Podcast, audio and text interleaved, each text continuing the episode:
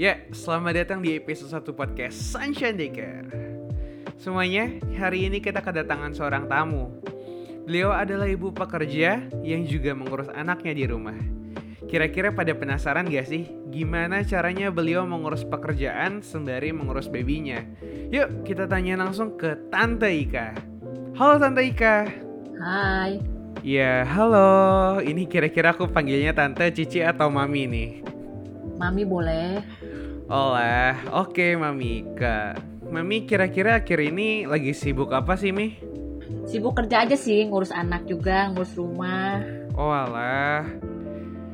Eh, Mami, kira-kira caranya gimana sih bisa ngurus anak sambil ngurus pekerjaan juga? Kan di eh, orang tua zaman sekarang belum tentu bisa ngelakuin semuanya itu. Habis ngurusin baby dan ngurusin yang lain juga. Kelihatannya sih nggak bisa ya, tapi dijalanin sih bisa aja sih. Oh, terus menurut Mami, kira-kira time management buat bayi penting gak sih, Mi? Karena kan baby buat yang umur 1-2 tahun itu juga masih perlu banget buat diperhatiin. Habisnya ya karena masih kecil juga, masih pertumbuhan, perkembangannya juga harus diperhatiin dan perlu interaksi orang tua gitu loh, Mi. So far sih ya, karena banyak bantuan juga kali ya. Kan dulu waktu si Popo masih baby kan semua disiapin makan buat empasinya itu tuh malam disiapin dulu.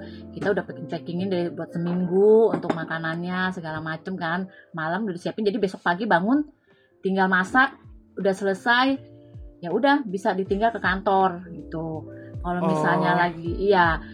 Jadi di rumah memang ya bersyukur sih ada yang bantuin jaga banyak orang rumah kan. Ada nenek kakeknya. Terus kebetulan juga suami tuh sama aku tuh ganti-gantian WFA WFO tuh.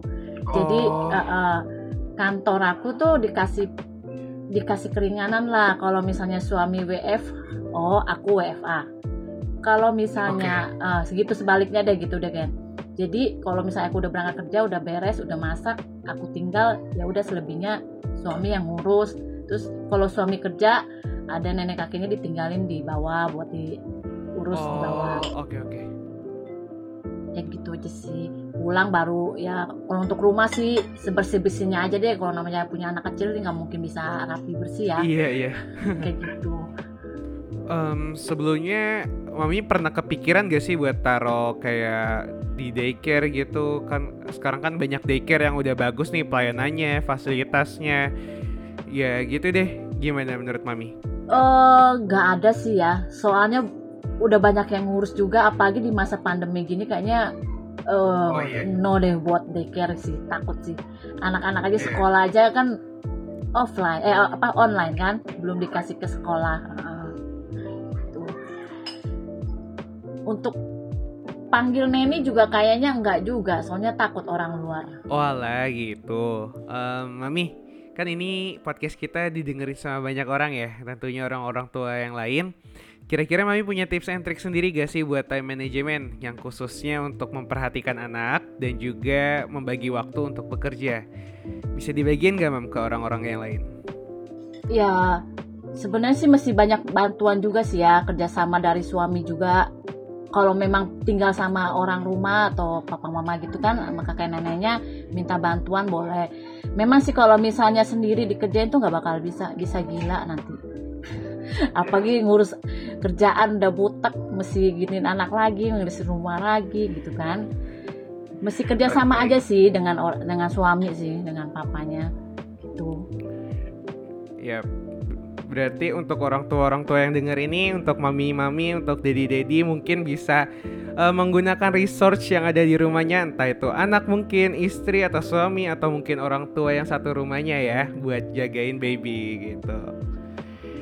Oke mami, thank you banget nih buat pembahasannya hari ini ya mam. Iya.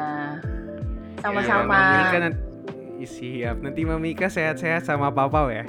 Sama-sama kamu juga sehat terus ya. Iya makasih mami dan Makasih udah diundang juga. kita yang harusnya makasih sama mami dong. Ini perdana loh. Ya, wih bagus dong kalau perdana. Oke. Kalau misalnya nanti Sunshine Podcast mau ngundang Mami lagi boleh ya? Diusahakan. Oke.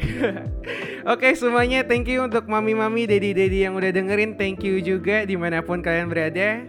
Sampai jumpa lagi di episode kedua di podcast Sunshine Daycare. Thank you.